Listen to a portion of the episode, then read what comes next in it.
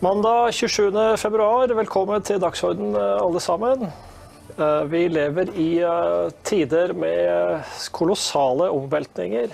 Og det er ofte litt vanskelig å ta, ta, rede på hva som skjer. Og det er ofte overraskende vanskelig å finne svar hvis man søker sannheten. Det har eh, ført til en nokså polarisert offentlighet, hvor det lett flyr anklager frem og tilbake. Og det kan være mange overbevisninger som står på spill eh, i denne tiden. Verken eh, dokument eller andre medier er helt upåvirket av dette her, selvfølgelig. Det som, eh, det som, kanskje skiller dokument fra andre medier, er at vi ikke er redd for å gi oss i kast med vanskelige spørsmål som kan sette overbevisninger på spill. Og med meg i dag for å diskutere det, så har jeg Rebekka. Velkommen skal du være. Det er litt sånn rollebytte i dag. Altså jeg i studio og du på link. Dette er jo litt utenom det vanlige. Det er definitivt utenom det vanlige, men eh, det er, man må jo prøve litt nye ting da, Kristian. Du får være meg, og jeg får være deg. Og... ok, det hørtes alternativt ut. La oss uh, for illustrasjonens skyld gripe fatt i en sånn vanskelig sak. Uh, Hunter Bidens laptop. Uh, I den saken så ble det jo først avfeid ikke sant, at dette her var noe ekte. Uh, 50 tidligere amerikanske etterretningstopper gikk ut og sa at dette hadde karakter av en russisk påvirkningsoperasjon. I dag så vet vi at de løy glatt for å påvirke det amerikanske presidentvalget.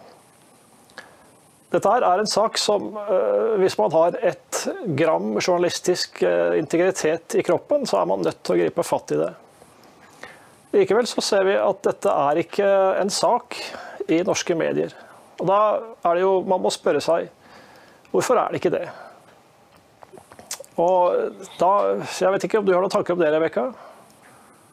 Jo, altså, bunn, altså det, ehm, Jeg skal ikke beskylde medier for altså, Nå er det jo sånn at eh, Jeg kaller det jo regimemedier eller statsmedier. altså De løper jo en viss agenda. Det har vi jo sett når det gjelder klimasaken. Vi har sett det i flere andre saker, at de, et, de, skal ha et spesifikt utfall som går rett i tråd med det her eh, som kalles på amerikansk equity, altså likt utfall. Det er en slags stor narrativpakke der, og mediene følger i det. Om det alltid er bevisst, det er jeg ikke så sikker på. Men eh, frykten som eh, ligger til grunn for å ta tak i de vanskelige spørsmålene som du så pent malte innledningsvis, Christian, den er så stor Eh, den har så makt over folk at jeg tror det er vanskelig for, eh, for de mediene som ikke bare har, eh, er fryktbasert eller løper propaganda for myndigheter og eliter, men at de også på mange måter de, hvis, de, hvis de skulle opprettholde den integriteten og ta tak i denne saken, så må de også innrømme at de har gjort feil. Og det sitter langt inne hos mange, tenker jeg. Det er helt klart eh, vanskelig. Eh, og jeg tror at det, det, har helt sikkert spilt en rolle. Jeg, jeg, tror det er en annen forklaring også, eh, kanskje særlig i, i, i laptop-saken. Og det er hva er konsekvensene av den erkjennelsen at 50 etterretningstopper har løyet?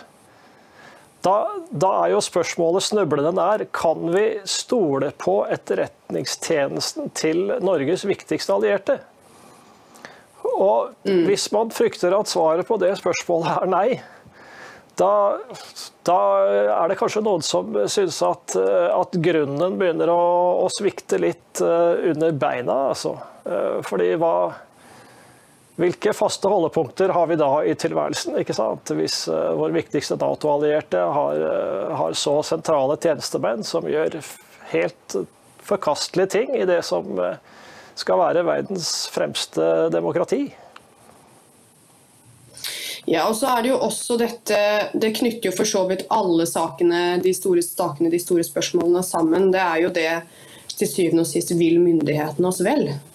Eh, for Hvis du tar laptop-saken spesifikt, nå har det jo vært sånn i årevis at mediene har gått så hardt ut mot Trump og malt han som alt det eh, si, demokratene selv er. Og heisa fram Biden som noe veldig positivt. Og det å innrømme denne laptop-historien, eh, eller rapportere om den, innrømme at de tar feil, da innrømmer de på mange måter også at de tok feil om Trump, fordi de tok feil om etterretningstjenesten som har undergravd ham. De tar feil om Biden, som har vist seg å være helt borte vekk i natta. Og de tar feil, altså Hele fundamentet de har bygget på, brister. Eh, og I bunnen der så ligger da altså tilliten til myndigheter, som har vært så utrolig viktig for dem, og som også er eh, si, Man biter ikke hånden som mater, er det ikke det man sier? De eh, Myndighetene gir jo mye penger til medier. Men en litt kjedelig konsekvens av denne vegringen da, for å ta inn over seg det som har skjedd, det er jo at man må begynne å late som. Og er det noe norske medier er spesialister på, så er det jo å delta i denne late som-leken. Hvor det er som om Twitter-files aldri hadde skjedd. Altså Hvor vi fikk da de endelige bekreftelsene på det mange har ant, at dette her var et, et setup. Det er liksom ikke noe tvil. Men da, da kastrerer de seg jo selv, og det, det er jo ikke noe vi kan være med på. Vi er nødt til å gi oss Nei. i kast med alle de vanskelige tingene. Og da, da er det jo risiko for at uh, vi kan skrive ting, lansere hypoteser, uh, som ikke alle er like glad for at vi gjør. Det har vi vel merka? Ja, ja, det har vi merka sterkt i flere saker. Uh, men jeg tror også det igjen handler tilbake om det vi snakka om nå nettopp. at det er en forestilling, et fundament der, og den ligger jo ikke bare i mediene. Den, den er jo sivet inn i befolkningen. Den sitter jo i eh, kanskje ikke folk flest, men i mange folk.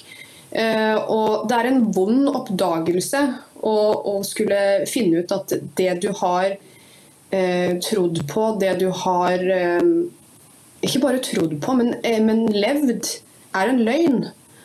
Og det, det, og man lar seg rive med av følelsene sine. Vi så jo det i, i koronasaken også. Spesielt eh, når det gjaldt vaksiner hvordan folk gikk til orde for og Jeg mener å huske at det var redaktøren i Nettavisen, jeg kan hende at jeg tar feil, så ta med en klype som gikk ut og sa at eh, uvaksinerte burde miste rettighetene til helsevesenet, til behandling. Altså snakker om å ta fra folk rettigheter, og dette her bunner jo ned i en stor frykt. Eh, og, en, eh, og et fundament som er bygget på at du altså Hvis du har et fundament som er bygget på en sånn type fortelling, så vil ethvert kritisk spørsmål det vil kunne ødelegge din forestilling, ditt verdensbilde. Og du er jo så flink til å, å dra linjer til Ibsen, eh, Christian, så vi kan jo kalle det livsløgnen, da. Eh, det forplanter seg jo eh, ned i befolkningen også, så det er jo ikke bare mediene. Og det ser vi. Det vi, eller, ja, vi ser det i kommentarfeltene. Vi ser det generelt sett der ute. Vi får merke det på kroppen vi også, når vi tar opp vanskelige spørsmål, som du sier. Så når dekningen blir så kategorisk, så blir også folk veldig lett kategoriske. Og da får man veldig sterke oppfatninger, og man blir fort eh, sint eller sjokkert hvis man da leser noe som ikke er helt i, i tråd med dette her.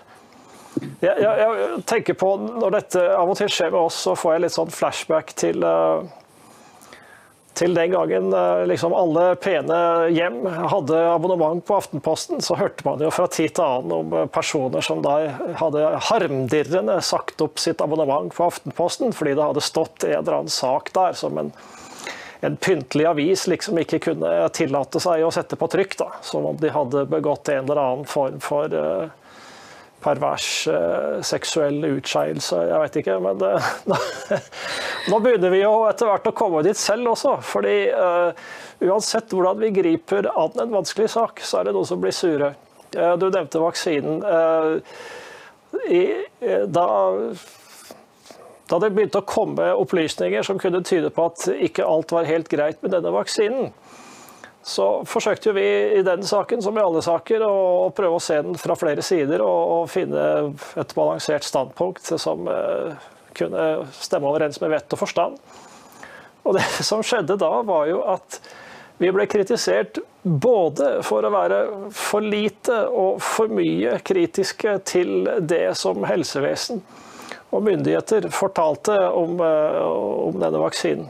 Og det, jeg vet ikke om vi skal ta det som et tegn på at vi fant en grei balanse, men eh, i dag så, så, i dag så har vi jo data som er mildest talt sjokkerende for overdødelighet.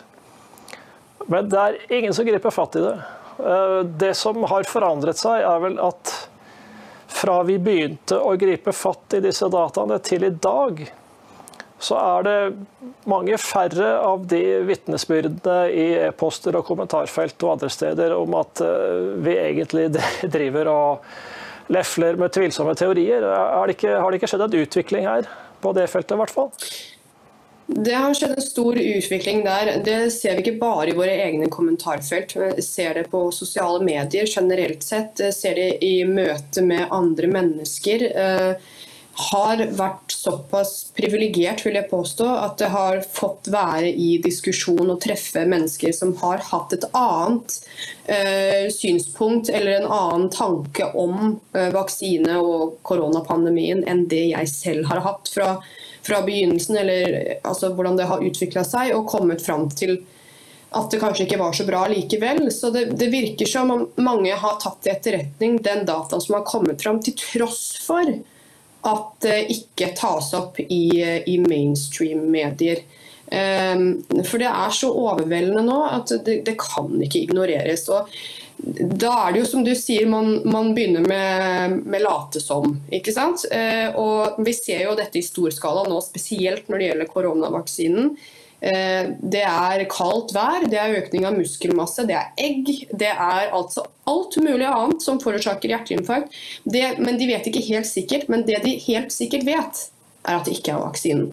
Og jeg tror at når eh, helsemyndigheter kommer med sånne påstander, så går det en varsellampe hos de aller, aller fleste. Så um, der har nok folk har mykna opp litt. Eh, vi ser at det har vært et skifte i forhold til altså ikke bare til vaksinen, til lab-teorien, som du skrev en sak om eh, tidligere i dag, Christian. Eh, og egentlig de fleste teorier rundt koronaviruset og pandemien. Eller teori er feil å si, hypotesen.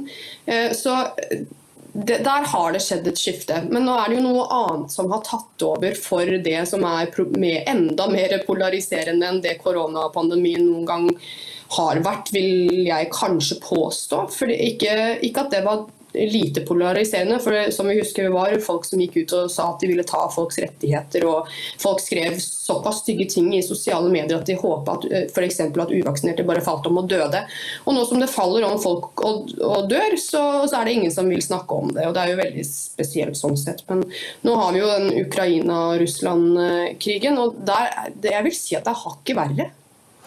Ja, altså, det, Spørsmålet som reises nå, er jo hvor mange sånne kontroverser må folk oppleve uh, hvor uh, man starter med én fortelling og kanskje ender opp med en annen. Før de begynner å tenke at hm, kanskje vi ikke skal konkludere så hardt og bastant sånn helt med en gang, men være åpne for altså, trekker, uh, trekker allmennheten noen lærdom av dette her, eller lar den seg liksom da påvirke til å innta kategoriske standpunkter gang etter gang. Er, eh, man kan kanskje bli litt motløs av dette her hvis, hvis man aldri lærer, men det, det virker jo sånn da, Christian. Jo, det, vi ser jo det samme skje om igjen og om igjen. Det være Trump, det være Russia Collusion, det være Hunter Bidens laptop, det være eh, koronaviruset, det å være koronavaksinen, eller injeksjonen som jeg så pent kaller det, det nå være Russland-Ukraina. Altså, eh, det har vært ganske mange sånne situasjoner på veldig, veldig kort tid. Det er jo ikke mange år det er snakk om her. Nei, altså når du sier det, så kan vi kanskje løfte det historiske blikket litt også. For eh, dokument har jo eksistert i 20 år. og noen av oss har jo vært med veldig lenge og har sett uh, lignende dynamikk over mange år. Uh, på den tiden da islam og innvandring var uh, store diskusjonstemaer, så så vi jo noe av det samme. At Du hadde folk som gikk veldig hardt ut mot dokument. ikke sant? Vi var islamofobe, eller vi overdrev virkningen av masseinnvandringen osv. Men dette er jo nå diskusjoner som egentlig ligger bak oss. Uh, som han sier, altså, I de spørsmålene der så har folk egentlig konkludert. De er ferdig med det. De, bare, de kan kanskje lure på når tyranniet går over, men selv har de konkludert. Det er i hvert fall uh, mitt inntrykk. Ja, det kan du jo si, men vi har jo såpass mange ting pågående i paralleller også. Altså, eh, jeg har jo tidligere dratt fram denne parallellen mellom dødskult og fryktbasert propaganda, eh, som jeg syns er veldig rar fordi at den er så eh, motstridende. Men vi har jo da mange andre paralleller som går samtidig også. Vi har kampen for demokratiet, samtidig som vi inviterer inn en ideologi som er totalt fascistisk, altså islam. Vi har eh, volkismens eh, ideologiske univers som tres ned over hodene våre i absolutt alle samfunnstemaer som, som går an. Og det, altså den ene avløser ikke den andre lenger. De går samtidig, og det skaper jo hvor skal man putte fokuset når alt skjer samtidig? Altså, Folk-ideologien er kanskje litt annerledes enn de andre, for den er så skrudd at der er det ganske få som egentlig er på linje med det narrativet som vi blir pådyttet. Altså, hvis du snakker med folk, så er det nesten ingen som altså, Folk mener fremdeles at det er to kjønn, ikke sant? og mener det er litt skrudd å tro noe annet. Likevel så skal det da kanskje innføres lovgivning hvor man snakker om et tredje kjønn. Men, eh, men altså, når det gjelder innvandring, så er vel f.eks. Eh, et ord som befolkningsutskifting er vel da fremdeles egnet til å få noen til å trekke fram luktesaltet og dåne, kanskje. Det der, der, har vel ikke erkjennelsen på en måte glidd inn fremdeles? Nei, den har ikke det. For det er en slags fornektelse fremdeles. Og vi, vi, har det her hjemme hos oss selv, og vi har det hos vår søta bror. Vi ser det nedover i Europa, eh, og EU fortsetter å åpne dørene og, og ønske disse migrantene velkommen. Og jeg var mildt sagt sjokkert. Det var vel i går eller forrige jeg satt på Twitter og kom over en video fra Steve Bannon, eller et utdrag fra Steve Bannon, hvor eh, han da har en person på plass på grensa mellom Mexico og USA. Eh, hvor han da har han viste fram hva han har plukket opp, hva som legges igjen. og Det er jo mye penger fra, fra Venezuela, det er pass fra ulike latinamerikanske land, men også norske pass dumpes på grensa mellom USA og Mexico fordi at de, de, må kvitte seg med identitetspapirene sine for å få flyktningstatus i USA. Og Da snakker vi altså, eh, så vidt jeg forsto, hovedsakelig om syrere som da har flyktet til Norge, såkalt. Fått statsborgerskap her og nå ser sitt ess i å jage lykken i USA isteden. Og da kan man jo spørre seg hvor viktig var det egentlig? Og den saken, den saken, vil du mm. aldri få se i Aftenposten eller VG eller NRK. Altså, de, er, eh, de er ikke bare forbausende uinteressert i menneskestrømmen over eh, USAs sørgrense mot Mexico. Det har de jo vært helt siden eh, dette begynte. Men de er også uinteressert når det dukker opp en sånn opplysning som den du nevner der. At man finner igjen norske pass. Det ja, det dumpes norske pass på den grensa. Og eh, man kan, Befolkningsutskiftning, for å gå tilbake til det du originalt spurte om, Kristian, for jeg snakka meg litt bort. Eh, så eh, ja, det er mange som steiler av det fortsatt, men det er ikke til å unngå lenger. Og vi ser det med våre egne øyne i ulike svenske byer. Eh, innvandrere er i majoritet allerede. Det er ikke til å unngå. Eh, vi blir skiftet ut. Og Jo flere som kommer, jo større er sannsynligheten for at det går mye raskere enn det vi, eh, det, vi, det enkelte har kalkulert. Og Det er en befolkningsutskiftning. Kall en spade en spade. Det er hva det er. Eh, til syvende og sist. Du kan eh, prøve å pynte på det med alt du vil, men det er befolkningsutskiftning. Og det snakker de også nå om i USA i stor skala, fordi at Biden slipper så mange millioner over grensa. Og de kommer fra alle verdens hjørner. Indonesia, Norge, eller Norge, og overalt. Så I, I, norsk offentlighet så gjelder jo fremdeles den regelen at det ordet skal stemples som konspirasjonsteori. Det som er litt rart, er at selv når en kjent fransk filosof og en kjent fransk forfatter sier at det er ikke en teori, det er realitet, så blir ikke det rapportert i norske medier. Man får ikke vite at det faktisk da finnes uh, intellektuelle på kontinentet som, som, har en stikk motsatt oppfatning av det alle pene mennesker i norsk offentlighet skal ha. Så der uh, ble man liggende inne i en sånn uh, osteklokke og helt døv for, for impulser utenfra. Dette, dette, er paradoksalt, fordi at altså Før internetts tid så, så, kunne man jo være unnskyldt hvis man ikke fikk med seg impulser utenfra, men i dag så, så er det jo tilgjengelig for enhver som gidder. Og, og, det paradoksale er jo også at på den tiden man ikke hadde internett, så var jo norske aviser mye mer åpne for impulser fra Europa. De formidlet dem på en måte som de ikke gjør i dag. Så her er det tale om en, eh, en stor systemsvikt. Men eh, det er det, men jeg, jeg, vil ikke unnskylde de som ikke leser eh, si, mang, altså mediemangfoldet. For vi har et mediemangfold om man vil det eller ikke. Og det er jo viktig å få med seg det meste av det mangfoldet hvis man skal kunne klare å danne seg et bilde og tenke sjøl. Sånn er det bare.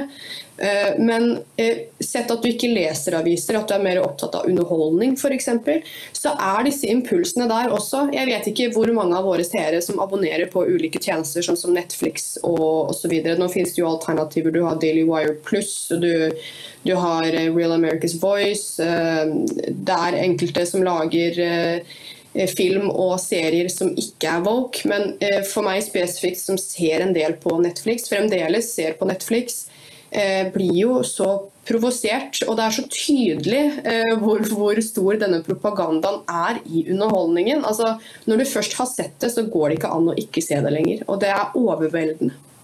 Og det skal heller ikke snakkes om eller problematiseres. ikke sant? Men, eh, du nevnte et viktig stikkord her, altså å tenke selv. Det det er jo ikke alltid like enkelt. Eh, fordi eh, da må du kanskje av og til oppsøke eh, kilder som andre ikke gjør. Du må si mot personer som du kanskje liker. Som, det, kan fort få veldig store sosiale kostnader. men jeg vil si at i en verden av i dag, hvor det, hvor det er så store omveltninger, så er, det, så er det livsnødvendig å prøve å tenke selv og etterstrebe sannheten. Og det er ikke nødvendigvis eh, konsekvensfritt eller gratis. Og det, det finnes jo mange historiske eksempler på at det ikke har vært det før heller, men vi hadde kanskje levd i en slags uh, fredstid, da, der, eh, der, konfliktene og debattemaene ikke var så opprivende som det er i dag. Ja, Det var vel kanskje bedre kontroll over debattemaene før, fordi som du sier, man hadde avisene man kunne gå til. Det var mye mer, altså Informasjonsstrømmen var mer begrensa.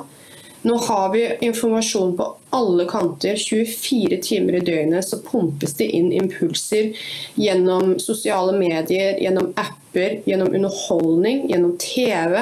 Og ikke minst gjennom menneskene som er rundt deg, fordi alle er jo opptatt av noe. Og eh, samfunnet er polarisert. Det er mye sterke meninger og forestillinger i sving. Eh, men med det sagt så, så, vil jeg jo påstå at det ikke er noe som er mer eh, verdifullt og Jeg husker ikke det norske ordet for det, er litt flaut egentlig, men rewarding. Altså eh, å, å søke sannheten. Fordi i det øyeblikket, Jeg vet ikke når dette skjedde, men i det øyeblikket det, det ble eh, dumt å stille spørsmål, det var der problemet starta, tenker jeg. Fordi Still spørsmål. Det er ingen spørsmål som er dumme. Og det er jo eh, en forutsetning for å kunne tenke selv. og når man da tar inn impulser fra andre eh, altså Jeg kan jo si det på den måten, når jeg leser dine tekster, så hjelper det jo meg å tenke. Eh, det betyr ikke at jeg tenker nøyaktig som deg, men det gir meg rom for å tenke. Og jeg leser jo ikke da bare din tekst, jeg leser jo noen andres tekst også, kanskje på samme tema. Og det er jo viktig for å skape det rommet for refleksjon. Og Hvis man ikke gjør det, eller tør å stille spørsmål, så er man jo like langt. Og den kostnaden for å stille spørsmål eller søke sannheten, den er verdt hver bidige krone og øre hvis man skal måle det i penger. Fordi til syvende og sist så er det de menneskene som er glad i deg og som bryr seg om deg, som står opp for deg, som er skikkelige folk. de vil ikke avvise deg fordi at du stiller spørsmål. Nei, Du har vel blitt møtt med litt sånn nedlatende holdning fra norske helsemyndigheter når du har eh, pepret dem med e-poster om uh, hvordan vaksinen ble godkjent i Norge og sånn. Eh, var det ikke engang at eh, noen av dem kom i skade for å sende deg en kopi av eh, intern eh, prat mellom dem om deg? Som, det er sånn liksom, noe av den arrogansen som eh, Det er en veldig høy arroganse, det er en veldig høy påståelighet. og en sånn, det er sånn, Vi har fått et sånn besserwisser-samfunn. Eh, det, er liksom, det er følelsen jeg har. Vi har et besserwisser-samfunn. Det er om å gjøre å ha rett for enhver pris. Uansett om det er sant eller ikke, så er det viktigste er å ha rett. Og det er en superhøy arroganse. Eh, og det gjør jo den fallhøyden veldig, veldig, veldig veldig lang ikke sant? når du først da faller. Eh, og Vi ser jo det på den siste kommunikasjonen jeg hadde med FHI også, hvor jeg har stilt en hel rekke spørsmål. Eh, Ja-nei-spørsmål. Helt enkle, konkrete spørsmål. Og de svarer ikke, det er bare masse bla, bla. Og når jeg da spør det samme spørsmålet igjen og ber om å få konkretisert svaret på det spørsmålet, så blir de altså sinte og sier at nei, dette har vi svart eh, hva var det de skrev for noe? Eh, utbredt på. eh, og vi anser denne saken for avsluttet. Og det er da uten å svare på spørsmålet, fordi at det å svare på det spørsmålet, det setter dem i et veldig dårlig lys. For de vil Eh, heller dø enn å erkjenne at de faktisk ikke hadde giddet å sette seg inn i saken utover det EU og WHO hadde gjort. De bare godtok blindt det Ja. disse overnasjonale myndighetene hadde sagt. Det har vært en gjennomgang eh, den siste tiden. Alt fra da jeg var i rettssaken til eh, Iris Froe mot Hamar kommune, så ble det jo stilt en rekke spørsmål til Helsedirektoratet og, og ulike overleger og eh, høytstående stillinger i kommunen om de hadde foretatt egne vurderinger av anbefalingene som kom fra norske helsemyndigheter. Det viste det seg at det var det ingen som hadde gjort. Så det jeg gjorde var å sende dette spørsmålet til FHI eh, og Legemiddelverket. Jeg spurte dem, Dette var vel Legemiddelverket, hvis jeg ikke tar helt feil. Det går så mye mail mellom begge de to. Men, men det jeg spurte om, var om de hadde gjort egne vurderinger av eh, Pfizers testdata, og hvor jeg kunne finne disse vurderingene. Det har de ikke svart på. De pekte til at det er EU som godkjenner vaksiner i EU og EØS, og en masse bla, bla som egentlig ikke betyr noen ting. Og da jeg konkretiserte det og spurte igjen har dere gjort egne vurderinger, hvor finner jeg Legemiddelverket eller FHI sine vurderinger av disse dataene? Så fikk jeg da altså til svar at dette hadde de svart eh, på i det store og det brede, og de anså saken som avsluttet. Så det ble litt sånn eh, gaslighted, egentlig, av norske myndigheter.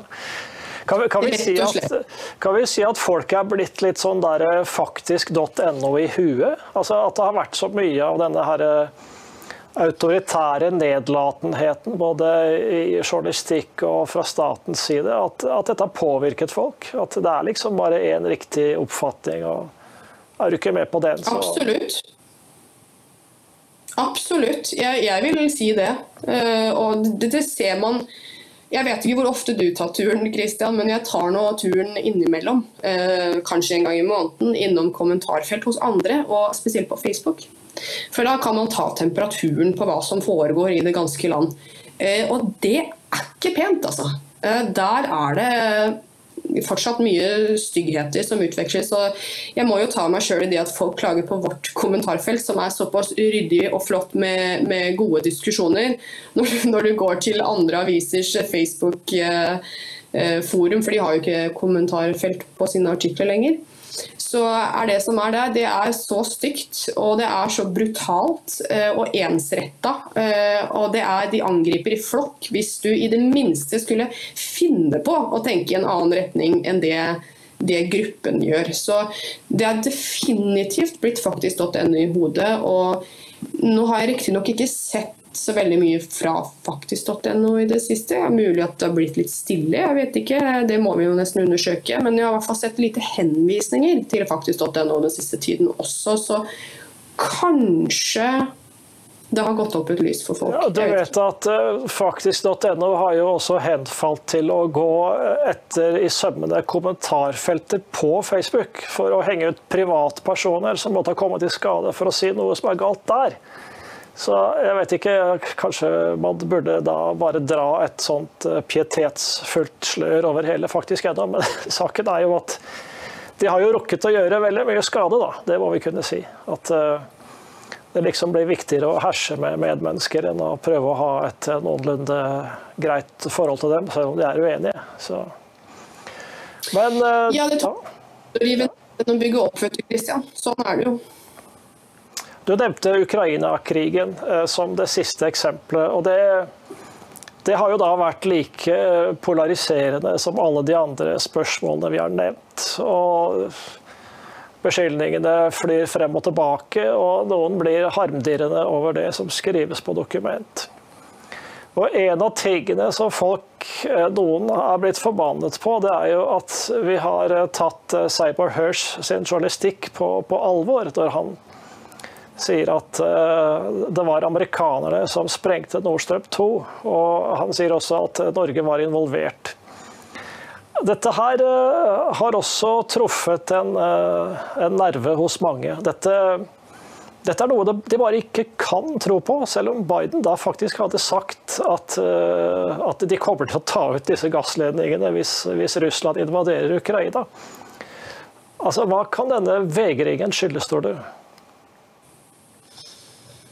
Det er et veldig godt spørsmål. Um Personlig så, så, har jeg vanskeligheter med å relatere til det. fordi fra mitt eget ståsted så er jeg såpass kritisk til vestlige medier i utgangspunktet at det å skulle slutte For Dette er jo på en måte det som skjer når man, når man diskuterer Ukraina og Russland et eller annet sted. Det er jo at man får beskjed om at man er putinist hvis ikke man, eh, man fremmer Vesten som en, en god part. Uh, og For mitt vedkommende så kan ikke jeg fremme Vesten som et god part, fordi uh, våre myndigheter har ikke våre beste interesser i sikte. Uh, og Det gjelder på flere nivåer.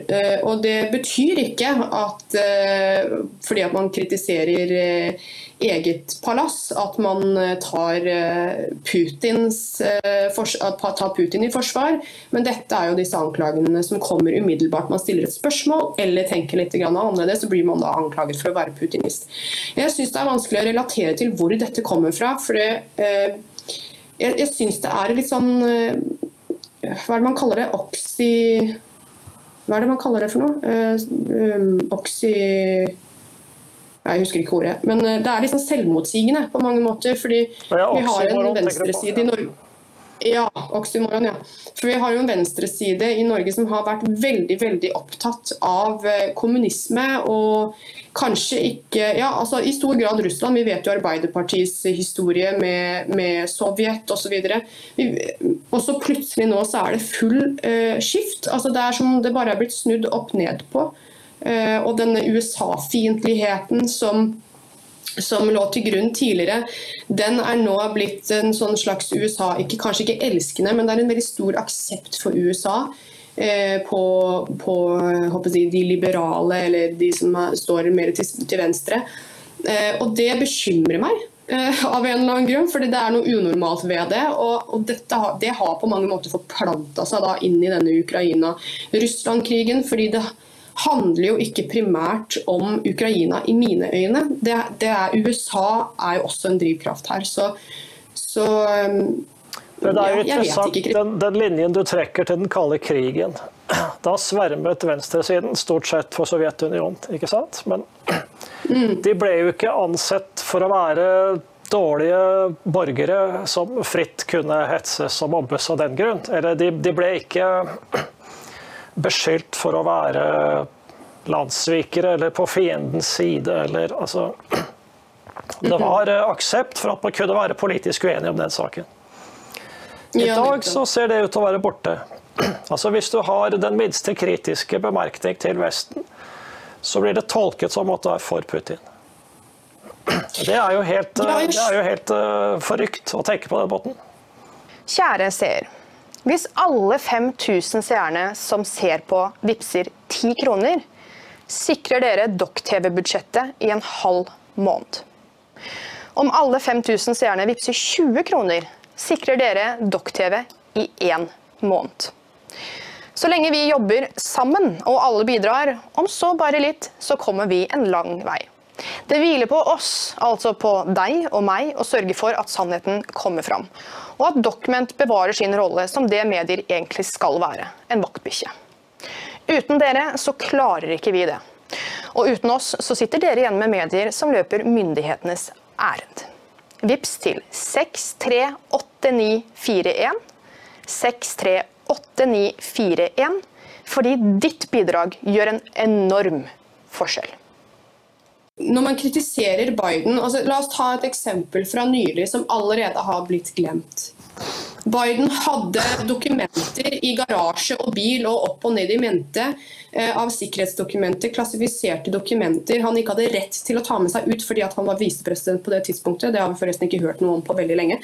Um, og, altså, dette, er et, uh, dette, er et, brudd på en haug med lover i USA. og Det er bare ett eksempel på hvor udugelig han er som president i verdens frie leder. Altså, har vært, USA har jo vært ledernasjonen av den frie verden i en årrekke. Og, men, men, han, da med laptop-storyen, med Russia collusion, med alt det som har hopa seg opp om Biden, Eh, hvor forferdelig han er. Hvis jeg sier det i en diskusjon om krigen i Ukraina, i en eller annen forbindelse med noe kritikk, så blir jeg beskyldt for å være putinist. Og hvordan lager man den koblingen? Det lurer jeg på. Nei, altså I lys av det vi vet nå eh, om eh, laptopen, det, om eh, valgpåvirkningen, om Twitter-files osv., så, videre, så det er ikke noe vanskelig å konkludere at Biden er en illegitim president. Og at en illegitim president kunne finne på å bruke lite legitime virkemidler i en eh, væpnet konflikt, det er jo ikke noe, det er ikke noe veldig langt intellektuelt sprang, det. Men, men, det vi ønsker, er jo da å gjenopprette et Vesten som eh, liksom eh, er moralsk på høyden. Det er noe vi ikke kan si at det er nå. Men det er jo en høyst nødvendig renselsesprosess og en, en, gjenoppretting av Vestens storhet som ikke har noe med å, å sverme for andre land å gjøre. Det er jo helt uh, jeg kan liksom ikke forstå hva det er de leserne som av og til eh, reagerer harmdirrende på det vi skriver. Hva er det eh, i det vi skriver som, som tyder på at vi at vi støtter Putin, eller, eller Kina for den del. Det, det, er jo ingen av oss som har tatt til orde for å gi russerne våpen. Eller, altså, det er bare hentet så helt ut fra luften. Ikke desto mindre så er dette da noe folk tror. Så jeg vet ikke om de da syns at eh, mediene bør i en krigssituasjon fungere som noen slags lojale propagandaorganer for, eh, for våre egne vestlige regjeringer. Men det er jo ikke det har jo ikke vært journalistikkens uh, rolle før, så hvorfor skulle det være det nå? Det er ingen som Det var vel ingen som sa at Seymour Hersh var illojal mot landet sitt da han avslørte Abu Ghaib. Og det var jo det var jo et overgrep så det var bra at det kom for dagen. fordi da kan, altså, da kan man gjøre ting godt igjen og gjøre en intern oppvask. Det er jo ikke Det var jo ikke noe galt i det. Nei, og så må vi jo, eh, hvis vi ser det på den måten, journalistens oppgave er jo, som Alf R har sagt eh, i flere samtaler med Hans, så oppgave er å kritisere eh, maktposisjoner. altså Det inkluderer egne myndigheter og institusjoner. Å, det er jo for å beskytte folk. Folket. Folk, altså Journalisten jobber for folket, ikke for myndighetene. Det har skjedd et skifte. fordi eh, altså, Journalisten virker som, og mange av de, eh, jobber for myndighetene for å fremme et propagandabudskap. Det er ikke lenger en fjerde statsmakt. Det er et virkemiddel for å, å overbevise folk om eh, egen politikk og linje. Og Hvis du har lagt merke til det, Christian, jeg vet ikke, eh, fått mye tid til å tenke ettersom jeg har ligget syk et par uker, men har det slo meg etter å ha lest flere artikler om Støre og Vedum den siste tiden, at det er ikke lenger sånn at journalistene formidler hva slags politikk våre politikere holder på med. Det de formidler, er eh, politikernes forsvar for hva de holder på med. De er i kronisk forsvarsposisjon. Og det de går ut med i mediene, er å forsvare seg selv. Eh, det er ikke noe, er ikke noe debatt om, eh, om, politikken sånn som det var før, vil jeg påstå. Eh, og da har, jo ikke, altså, da har jo mediene bare latt seg bruke til å, å være et verktøy for tidenes største propagandaprosjekt. Som har endt i en massesuggesjon eh, enkelte diktatorer opp gjennom historien bare kunne drømme om. Det er sånn jeg ser det. Vet, hvis vi ser på eh, denne saken med, med gassrørledningene Eh, og De som har fulgt med sendingene med Alf R. Jacobsen om den saken, de, de, ser jo at det er svært mye informasjon som peker i retning av at det var amerikanerne. Og det, det burde ikke være noen vanskeligere konklusjon å forsvare enn at viruset lekket fra Wuhan-laboratoriet. Men kanskje er det en linje mellom de to sakene. At man, man vil ikke erkjenne at, at, det kanskje var noen biovåpenprogrammer med i bildet i, i virussaken. Men hvordan kan man egentlig unngå å fatte interesse for, for sånne temaer? Det, det, det, forstår jeg rett og slett ikke. Det forstår ikke jeg heller. Eh, vi har jo snakket med Robert Malone et par ganger også, Christian, hvor han har vært inne på dette med uh, gain of function-forskning som, uh, altså som, utvikling av biovåpen, men på, på, en måte i en liten revers, fordi de ikke har lov til å, å, å bruke forskning til biovåpen. De gjør det da altså likevel. Um, nei, hvordan kan man ikke fatte interesse for det? det? Det, er det samme som de enkeltindividene som sier at de ikke bryr seg om politikk. Eh, da bryr du deg jo ikke om deg selv eller uh, ditt samfunn, egentlig. Altså, fordi dette går jo utover oss alle. og det er jo nettopp det er jo politikk på høyt nivå, dette er noe som påvirker oss alle. og Det burde jo mest av alt interessere globalister. Ikke sant? Det, det, bør, det bør, interessere alle, egentlig, uansett om de er globalister eller ei. Men, uh, så til de leserne som da kontakter oss eh, harmdirrende fra tid til annen, eh, så må jeg bare si at eh, vi kan ikke la oss affisere så veldig mye hvis dere blir sinte og sure. fordi det som, det som, driver oss, det er vår egen indre drivkraft. Vår egen nysgjerrighet, vår egen søken etter sannheten. Og det, det vil ikke alltid være populært, sånn er det bare. Men vi har ikke noe valg, så det, det kommer vi til å, å, fortsette med. Så vi kan kanskje runde av der, Rebekka, med å garantere leserne vår uavhengighet, og at vi ikke kommer til å kaste inn håndkleet og så vil jeg bare legge til det, Christian, at eh, Steiro skrev jo en uh, veldig flott sak om hvordan han mente Norge ikke kunne være involvert i sprengningen av disse gassrørledningene. Så her har vi også flere perspektiver. Det er ikke sånn vi har lagt oss Nei, på altså, er... en bestemt linje her. Det går, vi, som du sa innledningsvis, belyse sakene fra flere vinkler for å finne ut hva det er som skjer. og Det er vår oppgave. Vår oppgave er å finne ut og holde myndighetene i, i sjakk matt, egentlig. Finne ut hva de holder på med, og informere folk om hva det er. og så må man kanskje spørre seg selv om man er villig til å, å leve i, i, blindhet, eller om man skal begynne å engasjere seg og stille spørsmål. For det, det handler om min og din og våre barn og barnebarn og kommende generasjoners eh, fremtid. Altså hva slags verden de skal vokse opp i. Og da tenker jeg ikke på den fiktive klimakrisen, for å si det sånn. Det var veldig fint at du nevnte det med at vi har offentliggjort to forskjellige perspektiver på Norges eventuelle deltakelse i sprengningen av Nordstrøm. Fordi altså, erkjennelsen, som jeg skrev i, i tidligere i dag, prosessen er langsom. Og den kan uh, gå på mange humpete veier, og den kan være ubehagelig. Men man er nødt til å gripe fatt i, i den prosessen og, og, gå den sure veien. Altså, man har ikke noe valg. Uh, det var vel Sokrates uh, som sa at et, det ureflekterte livet er ikke verdt å leve. Så vi kan kanskje la det være den avsluttende oppfordringen til folk, at eh, de må reflektere eller tenke sjøl, som du sier, Rebekka. Og så skal vi holde dere med selskap i den jobben. Forhåpentligvis gjøre den litt enklere. Så takk for at du var med oss eh, i dag, Rebekka. Så håper jeg du snart er eh, i studio igjen, så vi kan gjøre dette her på ordentlig måte. Takk, Kristian.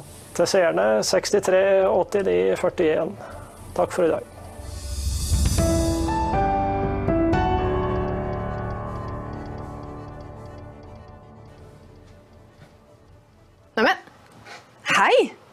Har du også antistatlige holdninger?